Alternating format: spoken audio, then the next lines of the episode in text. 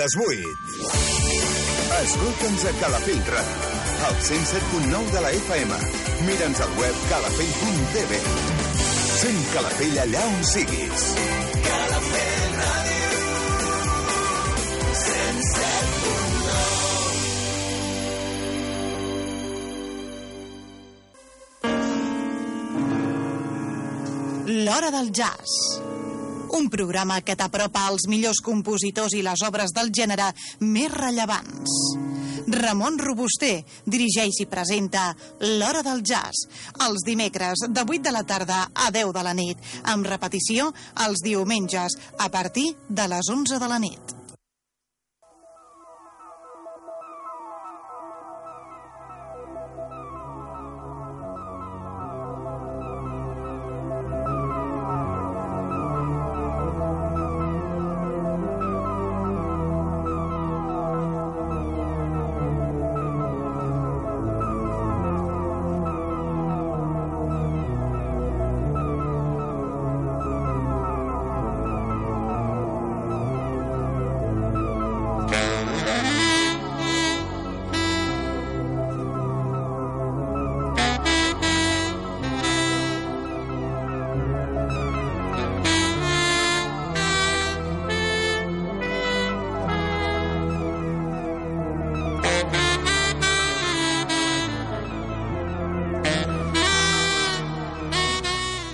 Jazz.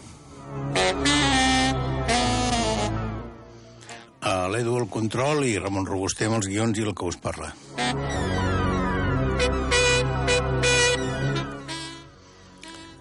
Anem per la, la primera gravació que portem avui. És una gravació molt recent. Pràcticament fa 12 o 13 dies que ha sortit al mercat. Va sortir el 3 de maig d'aquest any. I amb ella hi ha un músic que, que jo recordi eh, com a líder, com, com el presentarem en aquesta ocasió, no recordo haver tingut eh, eh, en tots aquests anys eh, d'emissió de l'hora del jazz, eh, no, no, no crec que l'hagi tingut mai com a líder, sinó que sí que l'hem escoltat en ocasions amb, amb diferents amb diferents formacions i amb diferents eh, músics, però com a líder, com és aquesta ocasió, no, no recordo haver-lo presentat. Per tant, em ve molt de gust eh, que tinguem el senyor Walt Veskov, eh, aquest eh, músic eh, americà, que actualment més o menys crec que està sobre els 59 anys, i que és un dels compositors i músics de, amb el seu saxo tenor eh, actualment eh, important eh, i que té un currículum d'aquests que pots omplir eh, diverses pàgines eh, i que una, una cosa que vull destacar d'ell és que té una edició feta de set llibres eh, de, que, sobre la improvisació amb el jazz i que aquests llibres són un dels, segons eh, expliquen amb el seu currículum, un dels més respectables i els més respectats i que mm, tenen més importància amb aquesta, amb aquesta modalitat de la improvisació i que són eh, per, per, per els estudis, per els estudiants i per la gent que, que vol entrar en aquest món del jazz i de la improvisació. Eh, ha tocat, eh, va començar als 21 anys eh, amb el senyor Woody Richt, amb la Big Band, eh, el 1981, amb 21 anys, i bueno, eh, si us interessa podeu trobar sense cap dificultat, com sempre us explico, el currículum extraordinari del Walt Westkoff. Eh, avui el que portem és una cosa interessant perquè amb ell, amb, amb una formació de quartet, està el senyor Carl Winter amb el seu piano, l'Andreas Lenk amb el baix i l'Anders Mogersen a la bateria. Tres músics eh, danesos que eh, es van ajuntar amb ell i van fer una, una, o sigui, eh, van fer a principis d'any i jo crec que també part de l'any passat van fer una, una, una torner, una ruta de concerts per Europa i, i, i també pels, pels països, per Escandinàvia, pels països nòrdics. Eh, concluïda aquesta, aquesta, aquesta gira europea, van eh, fer aquesta gravació que va ser gravada el 29 de gener d'aquest any eh, a Copenhague. Eh, el disc s'anomena European Quartet Walls Video i eh, això que, que porta sona d'aquesta manera. Anem per la primera composició, que és el Black in Japan, eh, composició, com totes excepte dues, de les deu que hi ha en aquest àlbum, del Walt Westcoff, i que sona així. Uh,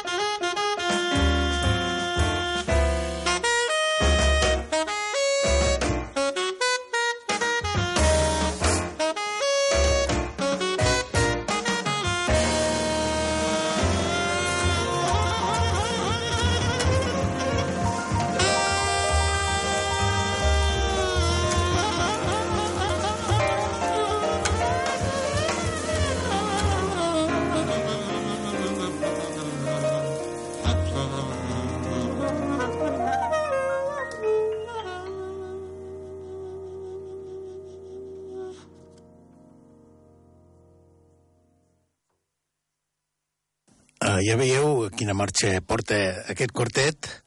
Estem, doncs, davant d'una gravació mm, interessant uh, d'un jazz uh, que es fa avui en dia i que té alguns, uh, algunes aportacions de jazz de fa molts anys, però amb una actualitat total i amb uns músics fantàstics que fan que soni d'aquesta forma com heu escoltat.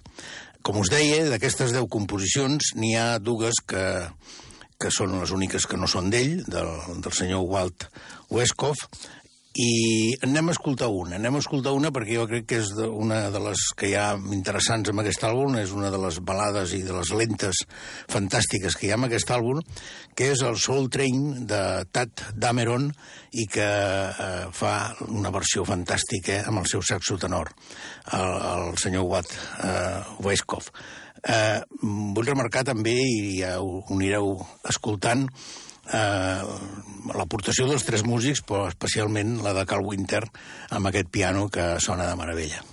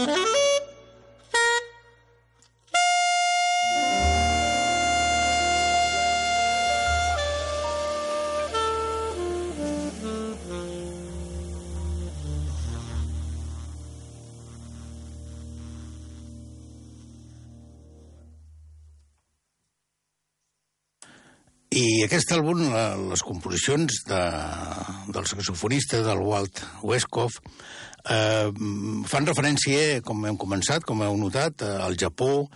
Eh, després hi ha la que escoltarem ara, que és la Russian Roulette, Eh, parla també una altra composició de Brasil, una altra d'una cançó escocesa. Eh, hi ha com, un, hi ha com una, un lligam en diferents eh, països, però que realment jo no sé si té res que veure amb tot aquest àlbum, sinó que simplement són unes composicions que ell ha fet que porten aquest, aquest li he donat aquest, aquest títol, però no li veig massa la relació. Eh, ell diu que l'oportunitat de, de treballar amb músics del, que, de la mate, del mateix ment eh, diu que no té preu. Eh, també diu que durant els darrers anys he tingut l'oportunitat de tocar amb aquests tres increïbles músics de jazz danesos i la nostra col·laboració per gravar eh, Walls Vida és la culminació d'aquests esforços fins ara. Eh, aquests esforços són tots aquests, totes aquestes gires que ha fet per molts puestos i que han culminat amb aquest àlbum fantàstic que recomano totalment.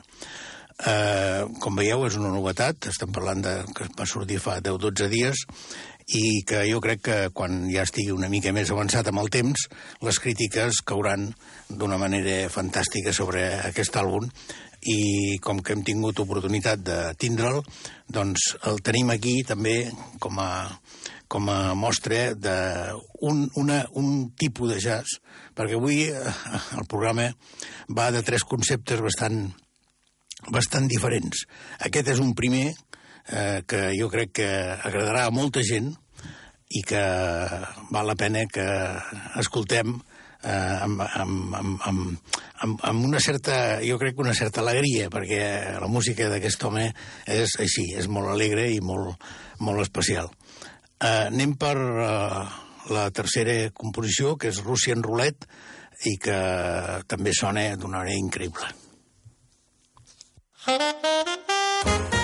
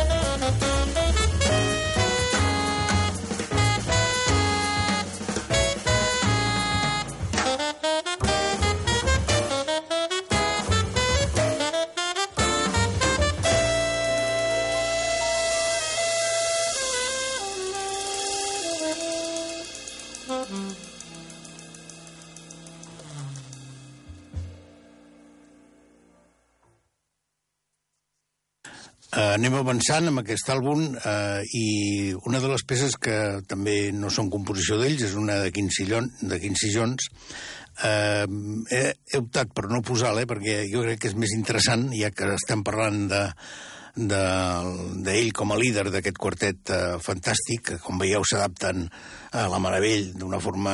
Bueno, uh, uh, quan, quan escoltes... Uh, hi ha moments que escoltes algun àlbum i creus que aquests músics s'estan divertint d'una manera fantàstica, d'una manera increïble. Que, I això es nota, es nota, tot i que no els veiem i no podem estar en, una, en un d'aquests concerts, només escoltem la música, però eh, es nota que hi ha aquest, aquesta, aquesta unió perfecta d'idees i es nota en totes les composicions. Per això m'interessa més posar composicions d'ell, eh, del Walt, i anem amb una més, que és Oceans.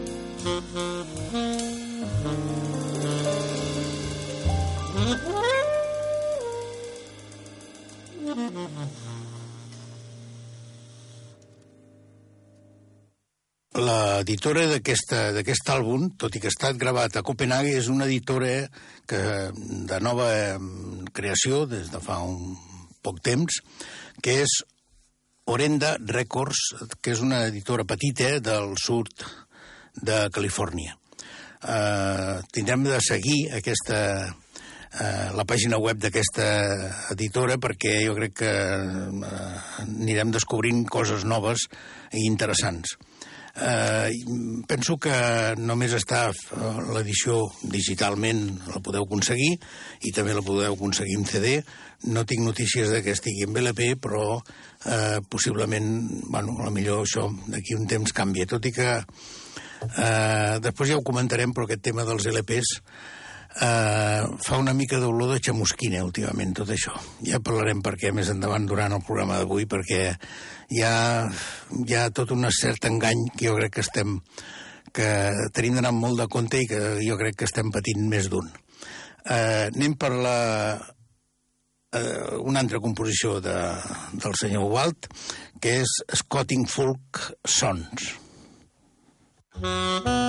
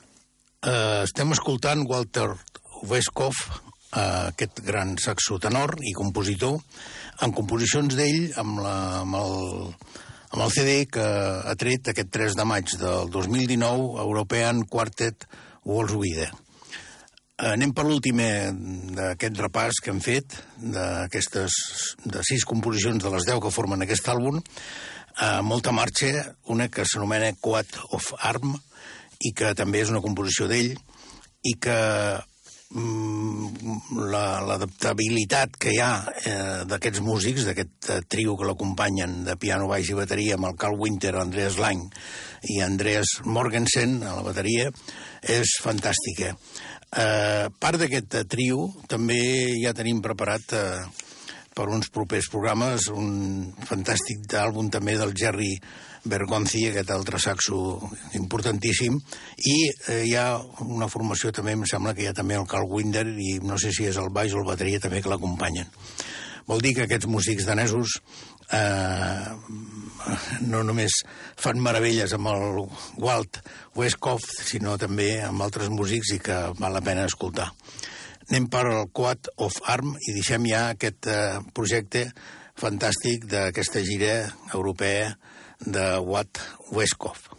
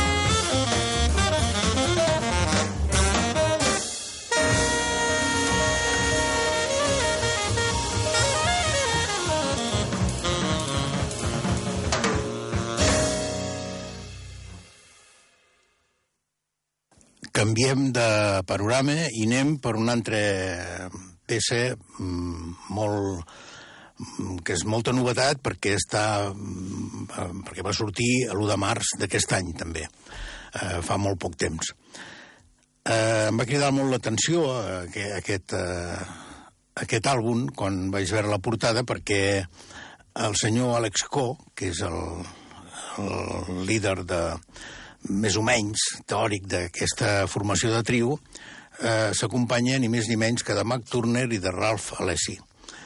Eh, bueno, una vegada escoltat, eh, trobo una, un àlbum fantàstic i el teníem de portar al programa perquè el senyor Alex Q eh, no, no el conec, no el coneixia. És un músic eh, entre entre belga i japonès, eh, nascut a Bèlgica, eh, molt jove, que mm, la seva biografia diu que va començar a tocar el piano amb 5 anys i només amb 10 anys eh, Àlex eh, es va convertir en laureado eh, del concurs de piano Cantabili. Eh, no sé exactament on és aquest concurs, suposo que deu ser a, a Bèlgica, no? I va guanyar dos premis addicionals, el Premi de Manuel Durlet, eh, per a la millor interpretació d'una peça determinada i el premi a, a Chris Van Hoff eh, per al guanyador més jove. Això amb 10 anys. A partir d'aquí hi ha tota una carrera i tota una, una sèrie de d'aportacions i el trobàs amb aquests dos grans músics, el Mac Turner, eh, aquest eh, saxo fantàstic, i el Ralph Alessi amb la trompeta, eh, a l'entorn de New York i començar a fer aquest trio. De totes aquestes actuacions ha sorgit aquest àlbum que s'ha creat eh, a través de d'una editorial d'aquestes de nova, de nova planta, que diem, que és Clever Tree Records, que, segons ells diuen, segons ells mateixos diuen, és una plataforma de llançament independent i d'artista corporatiu. La nostra filosofia és no tenir cap dret sobre la música ni interferir amb els processos creatius i artístics dels nostres artistes. Eh, és de les poques vegades que he llegit una cosa així d'una editorial. Aquestes noves editorials més joves, totes van una mica per aquest camí, però aquest, aquest ho posa com a, com a, com a preàmbul i com a explicació de lo, de que ells són. Em sembla fantàstic, eh, perquè jo crec que si una cosa té el jazz és precisament aquesta llibertat que tenen de tindre els músics i aquesta llibertat total de creativitat i de, de situar-se on vulguin. Eh, anem per aquesta música d'aquests tres creadors eh, increïbles. Eh, com us deia, el fet de que Mark Turner i Ralph Alessi acceptin eh, amb aquest personatge, l'Àlex Q, eh, que toquin amb ells, ja vol dir molt, jo crec que vol dir molt sobre el propi Àlex, no? Eh, vol dir que el nivell està eh, similar i que, a més a més, aquí el que hi ha és que hi ha 12 composicions de, del, del senyor Q eh, barrejades d'una forma especial. Però anem per escoltar la primera, que és, eh, hem fet un salt de la, de la 1 fins a la 6, anem a la 6 com a primera d'aquesta que escoltarem a l'àlbum. Realment escoltarem la 6, la 7, la 8, la 9 i la 10 seguides, eh, o sigui, vull dir, amb aquest ordre, perquè jo crec que tenen, no sé, és una manera de lligar un molt especial eh, passem de les primeres i anem directament amb aquestes. I anem pel Dormilón, que és aquesta en la que ja el trio està eh, d'una forma fantàstica.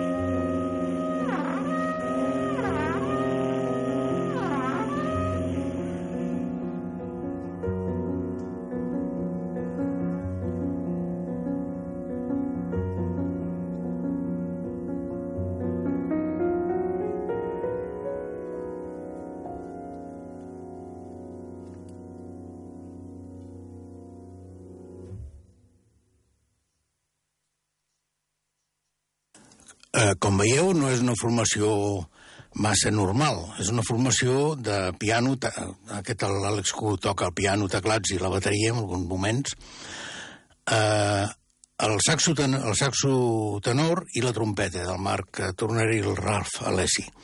Per tant, és quasi com un petit conjunt de cambra, eh, d'acústic, i que mm, això ja, ja, ja ens porta un camí cap a un so totalment diferent. I el concepte i el so és totalment diferent. Uh, aquesta, aquesta, aquest àlbum uh, també té, dintre de les 12 composicions, també té una particularitat que estan mesclades de tant en tant tres estudis uh, bastant curts, amb el temps, dos minuts, dos minuts i alguna uh, en el que Alex Q interpreta ell sol al piano. Fa com, fa com una espècie de separació entre les diferents aportacions del trio i el, diguéssim, eh, la, la, no solament com una separació, sinó com una continuïtat de tot el conjunt. Jo crec que està molt ben pensat i que, a més a més, aporta una, uns moments de, de, de, de molta potència amb el trio i uns moments més tranquils amb ell amb el seu piano. I amb això ens demostra tota la seva valua i tota la seva importància dintre d'aquest àlbum. Eh, per tant, ara anirem a fer una combinació que és escoltar eh, la peça número 7, que és eh, Vidili Fluids, que és molt curteta, que és del trio i amb molta marxa, i després eh, un estudi d'aquests, que és l'estudi número 2 de Grace, eh, amb el propi Àlex Q ell sol.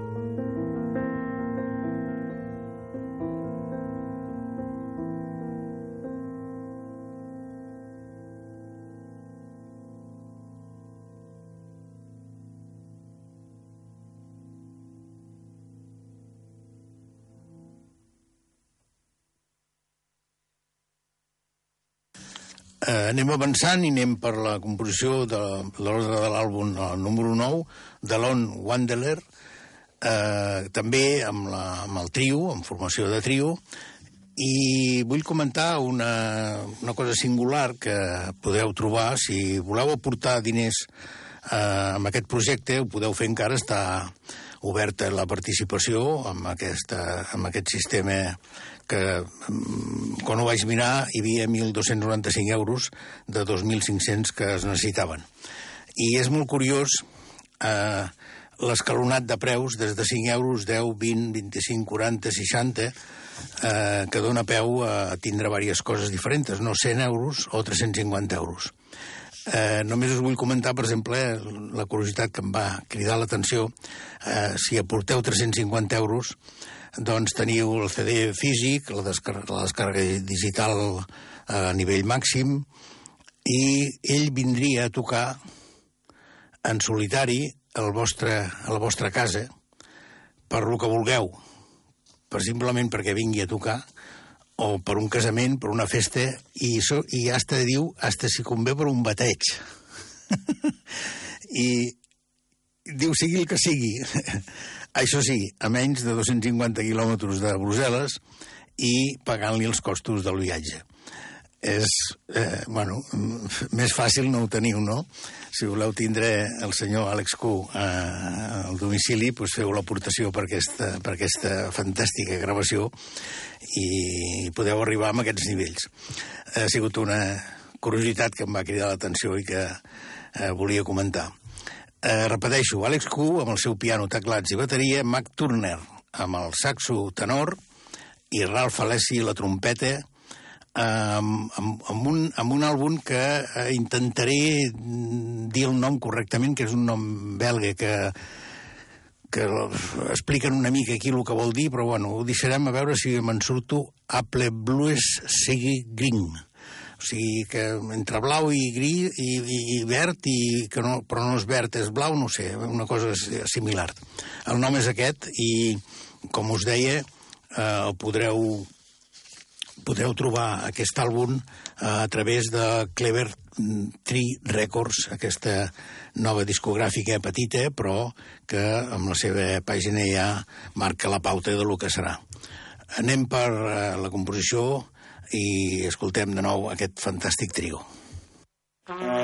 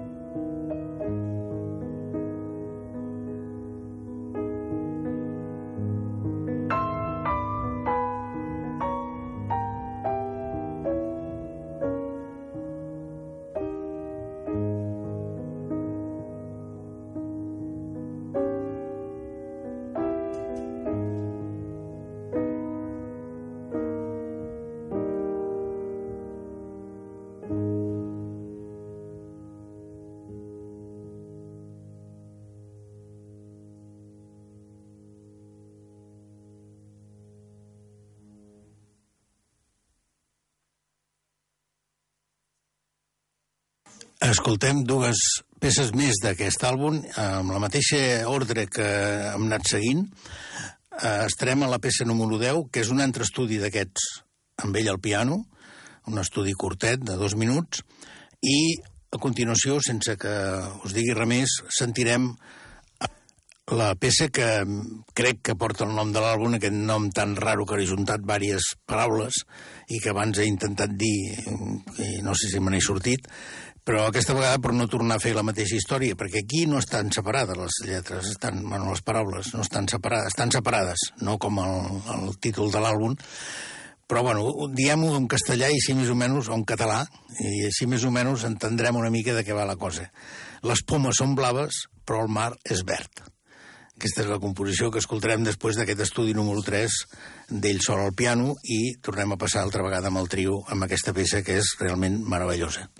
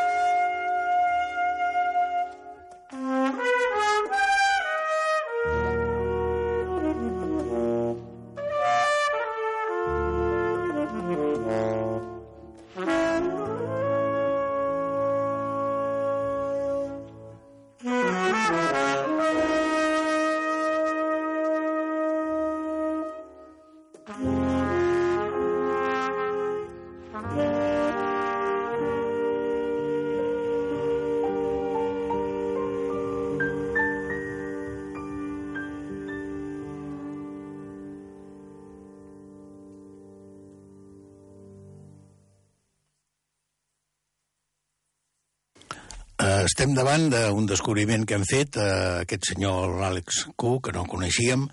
Com veieu, les composicions, una meravella, eh, una música totalment actual, eh, i jo crec que és un exemple de, de modernitat i de lo que, lo que s'està fent amb el jazz europeu eh, actualment, i que podria estar molt pròxim a, a editorials que, com, que tots coneixeu, com la ECM, però que en aquesta ocasió va per lliure i que ell mateix és el promotor d'aquest uh, CD interessantíssim. Anem per l'última, la número 12. Hem, hem sentit al final, amb el programa, des de les 6 fins a la 12, ha sigut un ordre que m'ha agradat i que jo crec que valia la pena, que és Freedom Pilot i que torna a ser una interpretació del trio i, com no, una altra composició d'aquest fantàstic Alex Q, que seguirem amb atenció tant amb la discogràfica com amb ell, perquè no sé cap on s'ha de cantarà, perquè aquesta llibertat que m'encanta per part de la discogràfica, eh, doncs tindrem de buscar el camí per poder seguir el que va fent aquest, eh, aquest gran músic, aquest gran pianista, però ho tindrem en compte i anirem intentant portar a l'hora del jazz aquestes novetats anem pel Freedom Pilot i despedim ja aquest àlbum d'aquest trio fantàstic eh, de l'Ape Blue Sea Green, més o menys.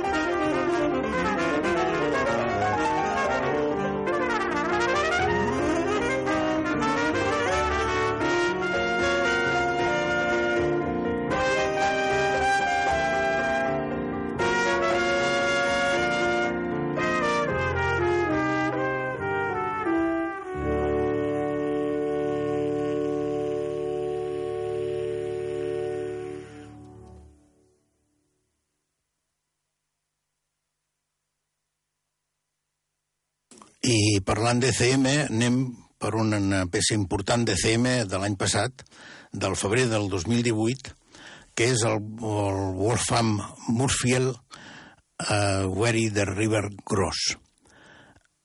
És, crec que, la segona aportació per ECM, ell com a líder, um, hi ha hagut altres moments que estava junt amb altres formacions, aquest uh, compositor i guitarrista fantàstic, i jo crec que és un àlbum també del 2018 dels, dels importants d'ECM. Eh, el que us deia abans d'aquest comentari que he fet amb el tema dels LPs, això ho podeu trobar en CD i en LP però me sembla que, que jo no vull parlar malament de CM perquè no, no conec exactament com, com, ho, com ho fan, com està feta l'edició d'aquests LPs. Però en altres ocasions, en altres editorials i en altres moments, crec que ens estan fotent el pèl, perquè és, no, no sé de què serveix realment, si tu tens la gravació digitalment, després d'aquesta forma digital passar a l'LP eh, no, no, no, no entenc res. O sigui, no, això no és el que dèiem, eh, senyors, això no és el que, el que parlàvem. La gravació de l'LP és una gravació totalment analògica.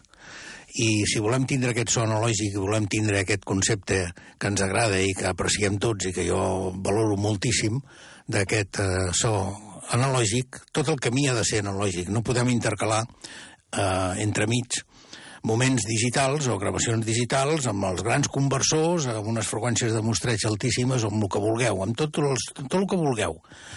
Uh, però després tornava a convertir en una cosa totalment analògica em sembla un, una presa de pèl total perquè a més a més un LP d'aquests de qualitat amb 180 grams estem parlant de 25 euros o més quan un LP val 12 per tant, vull dir, un LP normal val molt menys, no? eh, i un CD també. Llavors, no, bueno, si, si ho fem, fem-ho bé, perquè si no, nosaltres mateixos ens estem creant una manera de tirar enrere altra vegada. Eh, dit això, anem per aquesta gravació, que totes les DCM són extraordinàries, tècnicament, de el senyor Wolfgang Murciel amb la guitarra, al piano, ni més ni menys que Brad Meldau, a la trompeta l'Ambrosi Esquin Mussire, el baix, l'Ari Granadier i la bateria l'Eric Harlan. Com veieu, eh, un acompanyament d'estrelles, però que s'adapta de forma meravellosa a el que els hi explica el senyor Wolford Musfield. Eh, anem per la primera, que és la que porta el nom de l'àlbum, The Where the River Goes.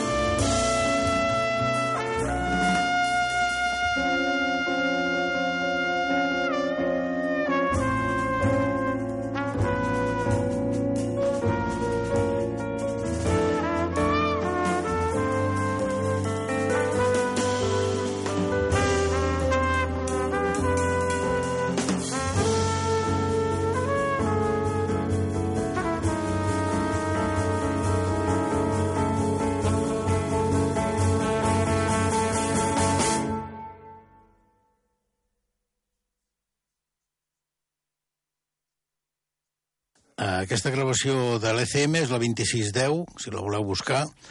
Uh, són vuit composicions, de les que set són del Wolfgang Musfiel i una de Brad Meldau, que precisament l'escoltarem. Uh, aquesta música jo crec que com menys paraules, ja us he fotut un rotllo abans amb lo dels LPs, uh, millor. Per tant, anem a Descendants, que és, com dic, composició d'ell, i seguidament, sense que digui res més, uh, Clearing. Uh, la primera, només vull fer un comentari, que és aquesta tensió que aquest començament lent i tranquil i que va agafant una tensió fins a una explosió total eh, que el senyor eh, el, el trompeta dona aquests tocs que fan que tot això vagi per aquest camí, junt amb la, amb la bateria, amb l'Eric Harlan, i després, altra vegada, la suavitat i la interpretació del grup cap als orígens. Eh, anem per aquestes dues composicions seguides. Thank you.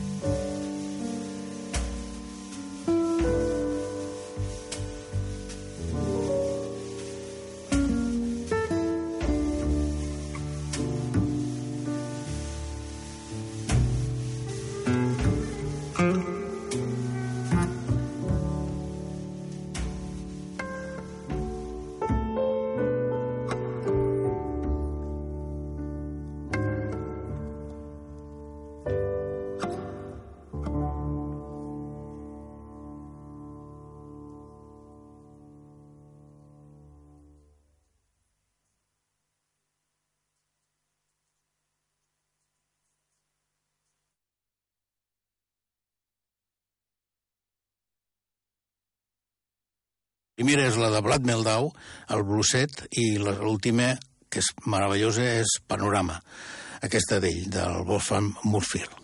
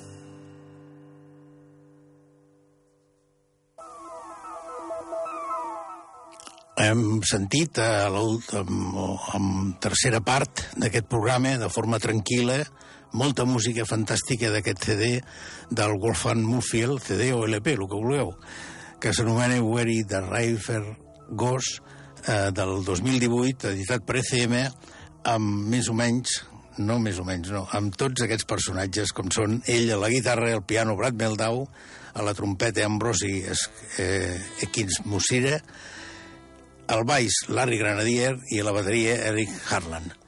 Eh, com veieu, un quintet d'estrelles totals i que s'adapten d'una forma fantàstica, com heu escoltat, amb aquesta música d'aquest personatge Wolfgang Murphy, aquest austríac, que és la segona vegada que ens regala una aportació d'ell com a líder per ECM. Uh, un àlbum totalment imprescindible. L'Edu està del control, que sigueu bons i, sobretot, escolteu jazz.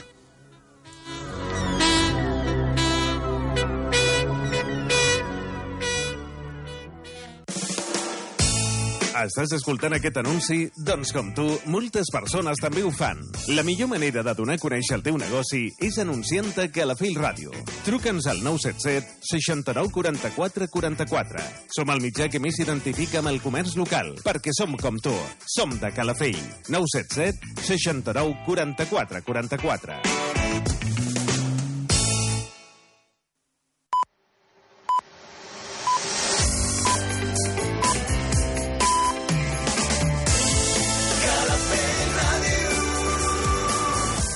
Són les 10. Escolta